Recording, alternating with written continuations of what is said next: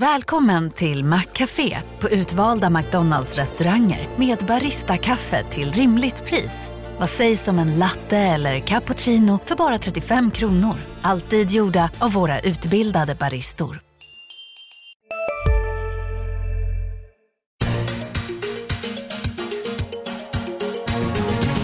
Hej och välkomna till Makrorådet, dagens Industris podd om de stora ekonomiska frågorna. Jag heter Viktor Munkhammar. Med mig idag har jag Annika Winst, chefsekonom på Nordea och Johanna Jansson, makroanalytiker här på DI. Välkomna hit ska ni vara. Tack så mycket. Eh, det är full fart eh, hela tiden. Eh, det bara blossar upp eldar överallt och marknaden försöker släcka dem kanske, eller möjligtvis beslutsfattarna.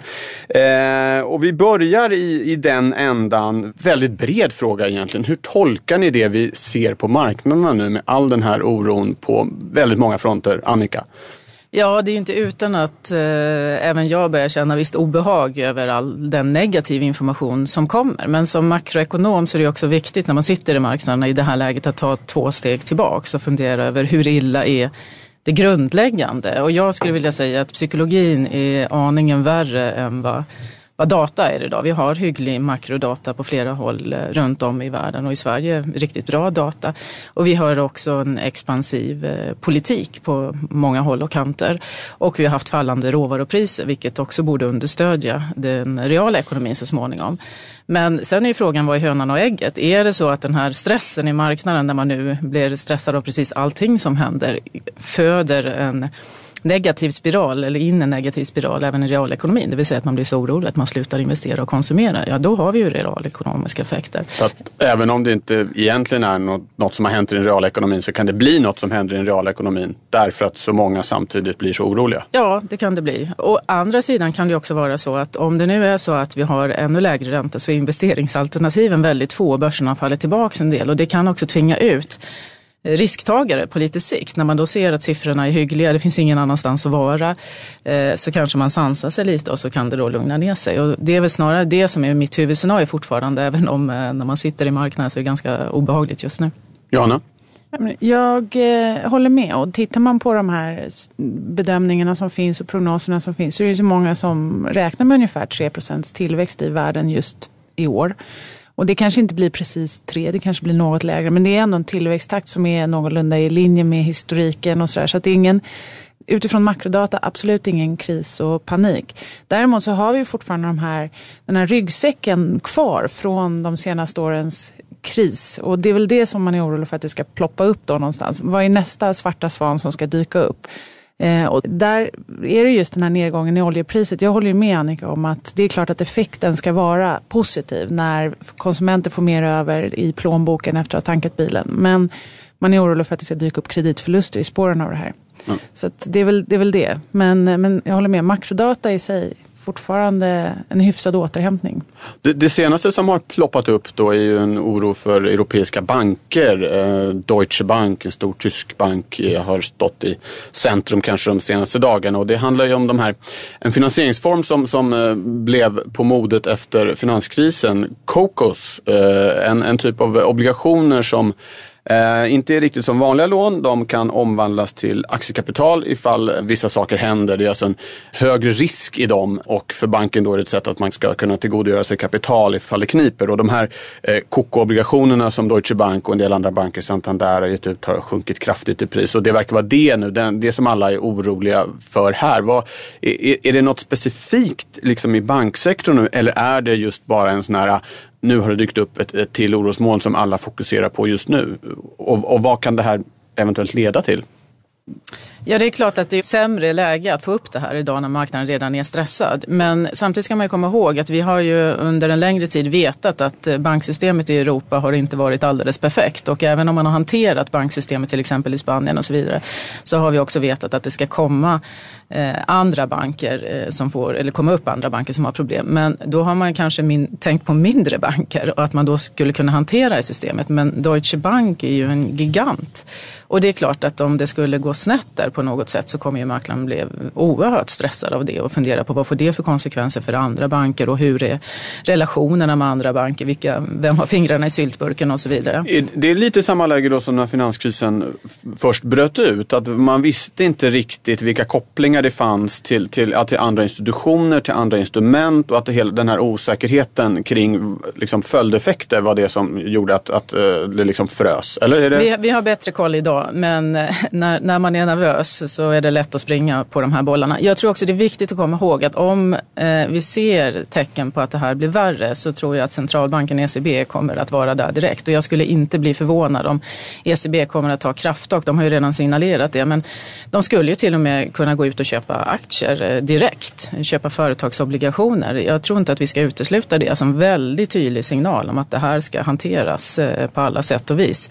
Och eh, då får man ju faktiskt ställa sig frågan, är det en centralbanks uppgift? Har inte oberoendet då blivit lite väl stort? Och det är en diskussion som jag tror att vi kan komma tillbaks till här i studion lite längre fram. Oberoende centralbanker, vad tar de sig för mandat och är det samhällsekonomiskt rätt. Ja.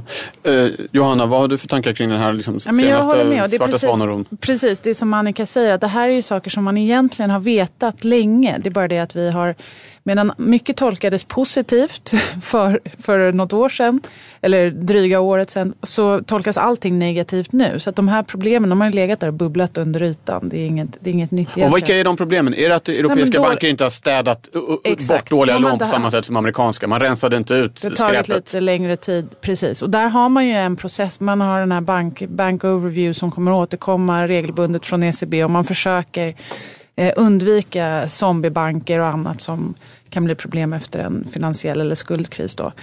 Så att, eh, men jag tycker precis som Annika är inne på, tror jag också, och eh, det att vi har de här ärren från finanskrisen som gör att vi oroar oss för att det ska dyka upp något oförutsett igen och liksom hur det ska slå inom banksystemet. Samtidigt så har vi också erfarenheterna från den krisen med oss och det som har hänt de här åren, nämligen att man har riggat systemet på ett annat sätt eh, som Annika också är inne på. Då. Det finns aktörer som kan komma in och liksom hålla banken under armarna på ett annat sätt. Så det, det, är, både, det är både positivt och negativt med de här erfarenheterna som vi har dragit på oss det senaste året. Det gör kanske marknaden lite mer nervös just nu. Samtidigt så har vi då riggat systemet lite bättre. Och de här COCOs som du var inne på också är ju faktiskt meningen att de ska vara som en kudde i Eh, i det här systemet. Alltså de ska vara ett bättre sätt, eh, regleringsmässigt bättre när det krisar i banksystemet än en vanlig obligation till exempel. Ja, tack för det. Eh, som du var inne på så kommer vi säkert få återkomma till det här. En ständigt återkommande gäst i programmet eh, är ju också Riksbanken. Och imorgon, ja precis. Ja. Och imorgon eh, torsdag så kommer ju Stefan Ingves och hans kollegor med ett nytt räntebesked. Om vi börjar med bara den raka bollen. Vad, vad kommer de att göra Annika? Ja, vår bedömning är att man eh, sänker räntan med 10 punkter så vi får en negativ ränta på minus 0,45. Men också att man skjuter fram första höjningen så att den kommer andra kvartalet 2017. Men man ska vara ödmjuk. Det här, nästan vad som helst kan hända i, imorgon. Dock inte valutainterventionen för kronan är så svag så att det är inte där man kommer spela ut kortet nu. Men man har ju hamnat i en situation då vi har haft eh, svaga inflationssiffror. Alltså, eh, de två senaste har varit under det man hade hoppats på. Och vi har jättetydliga signaler från ECB att man vill göra mer. Och jag tror Riksbanken är stressad över att det kan få konsekvenser, negativa konsekvenser på inflationsförväntningarna. Och det vill man inte i det här läget och därför så tvingas man då ut på banan igen. Johanna? Mm, det är inte omöjligt att de sänker igen men givet den turbulens som är nu så skulle de också kunna ta det lugnt och liksom för att inte spä på någon ytterligare osäkerhet om någonting. Kronan är redan svag, eh, det svajar lite här och där. Eh, det kan finnas en anledning att spara lite ja, man, det är så lätt att man använder de här hela tiden, de här vapenarsenalsmetaforerna hela tiden. Man, man sparar lite krut i, ja. i påsen så att man kan fortsätta ner sen. Men, eh, så att, ja. Ja, det, det, ja, Många famlar ju inför det här beslutet. Jag menar, det finns någon är, slags... är det inte ovanligt osäkert tänker jag? Ja, jag det tycker jag vi säger varje gång i och för sig. Nej, men, visst, just att folk har svajat och prognoserna har ändrats och man går från en liksom ja stora svenska banker som har ändrat sig från att ha oförändrat till att vi ändrar oss till sänkning igen och sådär. Ja. Men det är just där, det är en stark inhemsk svensk ekonomi. Det finns inte anledning egentligen att sänka ytterligare. Samtidigt så har man då liksom lovat, inom situationstecken igen, att få upp inflationen och vi har fortfarande avtalsrörelsen framför oss. Och den kom ju lite i skymundan ibland i diskussionerna men det är ju trots allt det som, i alla fall som jag ser det, som gjorde att Riksbanken svängde om. Det var att man lovade avtalsrörelsens parter att man skulle få upp inflationen och då ja, ska man ju få det helst också. Ja. Men jag tror att det som vi inledde att prata om här eh, har ju konsekvenser på hur osäker man är. Att ja. Det har hänt så otroligt mycket i världen väldigt snabbt. Och det, det man gick in i det här året var att räntor skulle upp snarare i omvärlden och att kronan skulle stärkas och helt plötsligt är vi på andra Svenska sidan. Svenska tioårsräntan har ungefär halverats Ja, kronan är, är, svag också. Så att ja. det, det, är en helt eh, ny setup som vi, vi utgår ifrån och det gör ju att det är en stor osäkerhet. Sen ska man också komma ihåg att det finns ju personer i direktionen, till exempel Martin Flodén, som har lyft lyft hur vilken, vilka effekter får det av att gå vidare? Att någonstans börjar även Riksbanken fundera över, får du verkligen ut mer om du sänker räntan eh, ytterligare? Ja, och ja. Jag träffar ganska ofta kunder, eh, företagskunder som säger att det snarare är negativt. Alltså de blir bekymrade att man har en negativ ränta. Vad får det för konsekvenser? Det ja. kanske inte stimulerar utan tvärtom skapar en oro över att det finns något värre runt hörnet. Ja, Okej, okay. och värre runt hörnet. Eh, vi ska gå vidare med ytterligare en återkommande gäst, dock då inte fysiskt återkommande fortfarande, men eh, skuldkrisen i södra Europa. Det har ju varit ganska lugnt sen liksom, vi hade Greklandskrisen förra sommaren, eller Greklandskrisen som eh, om, omgång tre eller fyra förra sommaren. Och så kom det här eh, paketet på plats. Eh, Tsipras-regeringen eh, vann omvalet och så vidare. Men nu är det stökigt igen. Det är svårigheter i Grekland med att få igenom reformerna. Det är stora demonstrationer. Eh, vi ser en politisk oro i Portugal och Spanien. I Portugal försöker en vänsterkoalition få ihop ett regeringsalternativ och vi har sett att spreadarna, det vill säga ränteskillnaden gentemot Tyskland, har stigit där. Eh, I Spanien är det någon slags politiskt dödläge efter ett val som inte gav någon, någon liksom tydlig vinnare. Ehm, och som sagt, räntedifferenserna börjar glida iväg igen. Vad är, det, är, det, är det dags igen att börja liksom eh, sitta och kolla på, på sydeuropeiska räntespreadar dagligen, Johanna? Eh, jag tror att vi alla kanske var så trötta på att göra det efter sommaren så vi kom av oss här under hösten. I alla fall media som vi springer för fort åt ena och andra hållet. Men, eh, lite så är det, de är ju så otroligt känsliga för andra antaganden för just ränteutvecklingen. Alltså de har höga skulder. Har du också valt att bli egen?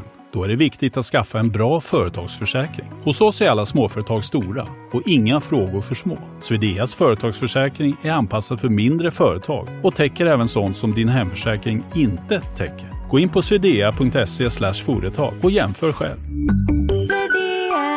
Hej, Synoptik här. Hos oss får du hjälp med att ta hand om din ögonhälsa. Med vår synundersökning kan vi upptäcka både synförändringar och tecken på vanliga ögonsjukdomar. Boka tid på synoptik.se. Nivåer och de betalar en stor del av deras underskott består i att betala räntorna just på skulden. Så att det är klart att det påverkar. Men, eh, och det här är enormt. Men för mig hänger det här lite ihop med den här allmänna riskaversionen som finns just nu. Att man, när oron ökar och stressen ökar, då vill man inte... Då, då drar man sig undan från mer riskfyllda investeringar. Och så, det är just de här skuldtyngda länderna i södra Europa. Så att, ehm, det hänger, för mig hänger det lite ihop med, med den här allmänna, allmänna oron. Och skulle vi då få in lite bättre tillväxtstatistik överlag, ja, men då kan det säkert lugna ner sig även där. Det hänger mycket på det, att det ska liksom, kan de växa lite så kan de i alla fall växa sig en aningens liten ur de här problemen. Mm. Annika, tror du också att det är bara ytterligare en, liksom, att som vi har pratat om, den här allmänna riskaversionen och då är det en till sån här grej som man aktar sig för? Eller tror du att det är faktiskt eh, de här, alltså, i bred politiska oron som ändå har ökat här senaste månaden som, som spelar in? Ja, alltså det är en rimlig reaktion. De här länderna har ju inte hanterat alla sina problem och utmaningar och då ska man också betala ett högre pris, det vill säga spreadarna ska gå isär. Eh, men sen ska man ju komma ihåg att marknaden har ju tagit bort sina positioner därifrån. Så om det skulle gå snett där så är det ju mer skattebetalare i Europa som får stå för det här än eh, att det investerar och placerar. För det har man redan eh, hanterat och agerat på. Så att konsekvenserna blir lite annorlunda när vi pratat, har pratat om det tidigare. Men sen ytterligare en aspekt är ju att faktiskt Spanien till exempel har gjort väldigt mycket strukturella förändringar som har varit bra för ekonomin. Och har bra tillväxt i Precis, ganska det ser, många kvartal. Ja, och det ser ganska imponerande ut när man tittar på Spanien. Mm. Så att det är absolut inte så att allt är natt nattsvart utan det är mer ett rationellt beteende i, i det här läget som jag ser. Däremot är det ju politiska frågor, oerhört viktiga och eh, pressande politiska frågor. Dels liksom klarar man att hantera eurosamarbetet och Kanske ännu värre idag eh, så har man integrationsfrågan som eh, också ligger på politikerna som en stor utmaning att hantera. Och där är man ju inte överens inom partierna, inte inom landet och inte mellan länderna heller. Så det här är ju, jag kanske är ännu mer bekymrad över hur politikerna ska hantera det. Och politikerna har en jätteviktig roll att lugna, eh, hålla under armarna, stötta i ett sånt här skede. Och det är svårt. Merkel sitter lite halvlöst. Man spekulerar i om hon lyckas sitta kvar efter det här och hon har ingen riktigt tydlig efterträdare och det är ju viktigt att ha en ledare i det här läget. Nu, det här blev ju en väldigt fin liten övergång till del två i programmet, nämligen spaningen där ni har grubblat lite och tittat på vad är det vi bör tänka på på några månaders sikt. För visst är det så Annika att du har just tankar kring eh, politiken och politikens förmåga att fatta beslut i tid mm. med dig som eh, spaning. Ja, ja, ja eh, och nu tänker jag framförallt eh, på Sverige. Att ja, jag tror att det, fin det, finns en risk att eh, möjligheternas eh, tid springer förbi oss lite grann. Om man sitter som politiker så är det oerhört svårt att fatta svåra, långsiktiga, strukturella beslut i ett läge där det inte är kris. Utan det är just i kristider när pressen är jättestor som, som man kan göra det här. Och vi har ett par exempel i, i Sverige där vi verkligen har varit varit utmanande. Till exempel bostadsmarknaden. Eh, där flyktingökningen eh, också då la ytterligare en börda på det här att vi behöver bostäder till de som kommer hit också. Det fick politikerna att eh, ta lite nya krafttag och börja prata med varandra, vilket är, är bra. Men det finns också en risk att om vi nu får se stabiliserande priser på bostadsmarknaden, vilket jag tror att vi kanske får när räntorna inte faller mer ut mot eh, bolånetagaren, Eh, och eh, disponibelinkomsterna, liksom, de är okej okay, men det är inte så att det ser fantastiskt ut. Och då, då är min bedömning att då kanske det stannar av. Det är lite grann chansen att göra de här eh, stora kraftfulla förändringarna över partigränserna eh, har försvunnit. Och li likadant vad gäller integrationspolitiken. Om det nu är så att vi inför åtgärder som gör att det kommer betydligt färre än vad det gjorde i höstas så är det fortfarande utmaningen jättestor. Men den är inte alls lika akut som den var i höstas. Och då finns det också en risk att man faktiskt inte tar i den här riktigt svåra frågan. Hur skapar vi arbetsmöjligheter och integrerar människor som har väldigt låg kunskapsnivå och står långt ifrån svensk arbetsmarknad? Så att eh, det liksom måste till att det är kniven på strupen för att det ska bli någonting gjort ungefär? Ja, tyvärr för att det är, så, det är så svåra och komplexa frågor. Och man ska också komma ihåg att valet kommer allt närmare. Synnerhet det känns som det var val alldeles nyss. Men ja, ja, men som politiker, om vi tar bostadsfrågan, där, där man behöver profilera sig. Och vi vet väl kanske inte riktigt heller om vi har sittande regering hela, hela vägen ut. Och då är det klart att eh, då är det viktigt att profilera sig i de här frågorna. Och då är politik kan bli viktigare än eh, långsiktigt samhällsekonomiska ja. viktiga beslut. Johanna, några tankar kring Annikas spaning? Ja, men jag, jag, absolut, jag kan inte annat än instämma. Jag, nu kommer jag att tänka på någonting som jag såg Annika i precis efter senaste valdagen när de pratade just om hur osäkert det är när man har en sån här svag regering. Och det är symptomatiskt nu att vi har haft, och du sa någonting annat om att vi behöver starka ledare och det är väldigt viktigt. Jag tror ju att eh, det skulle vara bra om man eh, kunde ta tag i många av de här viktiga frågorna. Sen är jag rädd för att politiska kompromisser ändå trots allt blir kompromisser. Att man skulle behöva ta ännu mer radikala beslut. Så jag tycker att man skulle kunna kalla in experthjälp för att man skulle kunna luta sig mot en expertkommission för att ta så ännu mer. Som Lindbeckkommissionen på ja, 90-talet då? Exakt. Sånt. Att man, för då kan man, jag tror att många politiker de vet egentligen vad de borde göra men att det, det är svårt i liksom en politisk debatt och Därför det blir så mycket eh, politiskt färgade argument. Det kan vara skönt att luta sig mot någon expert som säger så här är det och sen så får man välja. Gör man så här då blir det X och gör man inte så här så blir det Y. Och sen så kan man åtminstone vara öppen med de avvägningar man måste göra. För det handlar ju mycket om svåra avvägningar både när det gäller bostadsmarknad, integration, arbetsmarknad och så här. Så att, nej, men jag tycker det. Och det är väl det här uttrycket eh, never waste a good crisis. Det stämmer fortfarande. Ja. Jag tycker svenska folket har fungerat lite som en expertgrupp. Det gick så långt, både i bostadsmarknaden och integrationen, att folk inte kände sig bekväma med det som sades och fördes fram av politikerna, att man reagerade och då hände det någonting. Men jag har absolut inte emot någon expertkommitté i de här frågorna, men det måste ju hända nu. Vi har inte jättemycket tid på oss Nej, det är bråttom. Men Lindbeckkommissionen, om man ska ta den som exempel, de arbetade väldigt mm. snabbt under väldigt kort tid. Då brann det ju verkligen i knutarna men det var ju liksom dryga tre månader eller någonting. Så hade de, därför att många av de här förslagen finns redan. De flesta, många vet vad som behöver göras. Det bara handlar om att liksom våga säga det och visa avvägningarna öppet. Det var väl Juncker som sa, alltså Jean-Claude Juncker som nu, ja, eh, jag tror han var en av ordförande i Eurogruppen, att vi vet precis vad vi behöver göra men om vi gjorde det skulle vi inte bli omvalda. Nej alltså men exakt, och det är väl det som är ja, min, min poäng då. Att ja. man, man, skulle vilja ha någon som inte bryr sig om just att bli omvald. För jag tror att om man, om man vågar vara en sån ledare då, ehm, då finns chansen att då bli finns omvald. chansen att bli omvald. Precis, men man ska inte ha det som primär... Man ska ha liksom landets bästa för sina ögon. Så och inte ja. bara att bli omvald. Mm. Ja, eh, vi får hoppas på det bästa. Eh, Johanna, vad har du med dig för spaning? Ja, men det hänger nästan lite ihop. För jag allt, också, hänger ihop. allt hänger ihop när man pratar om makroekonomi. Just, jag är också lite arg på, eh, på, på, eller arg på politiker. Men jag tycker att det som, det som har varit symptomatiskt för de senaste dryga åtta åren efter finanskrisen. Först i början så var både politiker och centralbanker, de var på för att liksom få upp ekonomierna och mm, liksom ur den här omedelbara krisen. Men sen dess så har de varit alldeles för slappa. Och det har liksom varit också två, två delar av den ekonomiska politiken som har gått lite på kollisionskurs. Man har stramat åt eh, det är förståeligt för att det blev skuldkris i Europa och sådär. Så man var tvungen, vissa var tvungna att spara. Men tittar man på utvecklingen av såna här justerade budgetsaldon både i Sverige Eh, i Europa, i hela OECD-området och så vidare så har faktiskt finanspolitiken varit åtstramande samtidigt som centralbankerna har gasat. Så att det här har ju lite tagit ut varandra. Och sen säger inte jag att man, och det, där, där är ett problem. Och när man pratar om den ekonomiska politiken efter krisen så är det ingen som riktigt har kommit på någon sån här, hur gör vi nästa gång det vänder ner? Det finns ingen riktigt bra lösning. Nu pratar man om att minusräntor är här för att stanna och du var in, även en av före detta Fed, eller röstarna i FOMC var inne på att de skulle till och med kunna införa minusränta i USA nästa gång det beger sig. Det är inte säkert att det är rätt lösning men vi behöver ha något annat slags ramverk. Och en sån ny gammal idé från 60-talet är det här med helikopterpengar och det har varit uppe i debatten nu. Berätta bara, vad är helikopterpengar? Precis, helikopterpengar är alltså att man ger ut pengar. Nu finansierar man ju obligationsköp via sedelpressarna i centralbankerna. Det är liksom kvantitativa lättnader. Och eh, en effekt av det är att det liksom går via tillgångspriserna, stigande tillgångspriser och så stimulerar ekonomin. Helikopterpengar skulle vara ett sätt att göra motsvarande, att öka penningmängden. Men istället för att gå via tillgångspriserna så ger man helt enkelt alla hushåll i landet en check.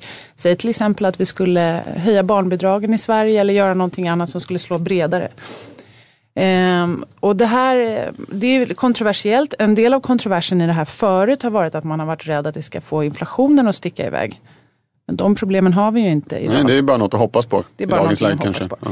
Alltså det kommer, det, min spaning är liksom att det här efter en liten paus så kommer den här diskussionen om vad vi gör i nästa recession den kommer intensifieras. Så när man då har hunnit fundera på det här så kommer de här nya lösningarna komma upp igen.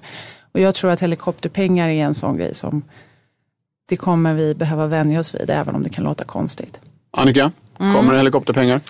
Eh, det kan mycket väl komma i, i vissa länder men eh, jag är, jag är, inte säker på att svenska hushåll behöver mer pengar. Men eh, i vilket fall som helst så tycker jag att centralbanker runt om i världen har ju lite grann curlat politikerna. Genom att föra en så expansiv politik så har politikerna kunnat ta två steg tillbaka. Så det är ju ganska bekvämt i, i många avseenden. Men politikerna borde ju, de länder som kan använda finanspolitiken, där borde man ju ha gjort mer, absolut.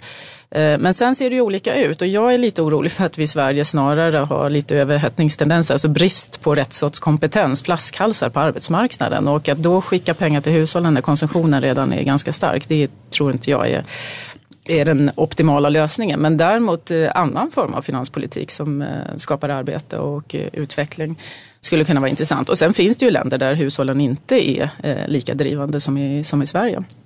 Tyskland har överskott, är eh, ett land som skulle kunna använda finanspolitiken betydligt mer. Och, och också Men de verkar ju allergiska mot det i Tyskland. Det ska vara schwarze noll. Ja, de ska ju ha noll ja. budgetunderskott. Ja, eh, och det som jag ser det har väl varit bra historiskt. Men jag får en känsla av att allt som har fungerat utmärkt de senaste 20 åren verkar eh, folk tro att det ska fungera utmärkt de närmsta 20 åren också. Det är ju otroligt mycket som har hänt i världen och jag tror att vi behöver se över en del av det här. Och jag tycker det vore bra om vi i Sverige pratade om ett balanskrav mer tydligt vet. Eh, regeringen har ju tagit upp det men att man, att man funderar över det för att inte ha ett överskott. Då. Ja, okej. Okay. Bra, hörni, stort tack för idag. Och tack till dig som har lyssnat. Eh, nästa program släpper vi den 24 februari. Hej så länge!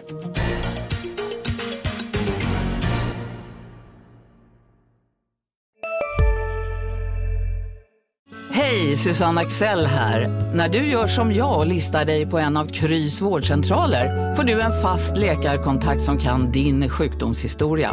Du får träffa erfarna specialister, tillgång till lättakuten och så kan du chatta med vårdpersonalen.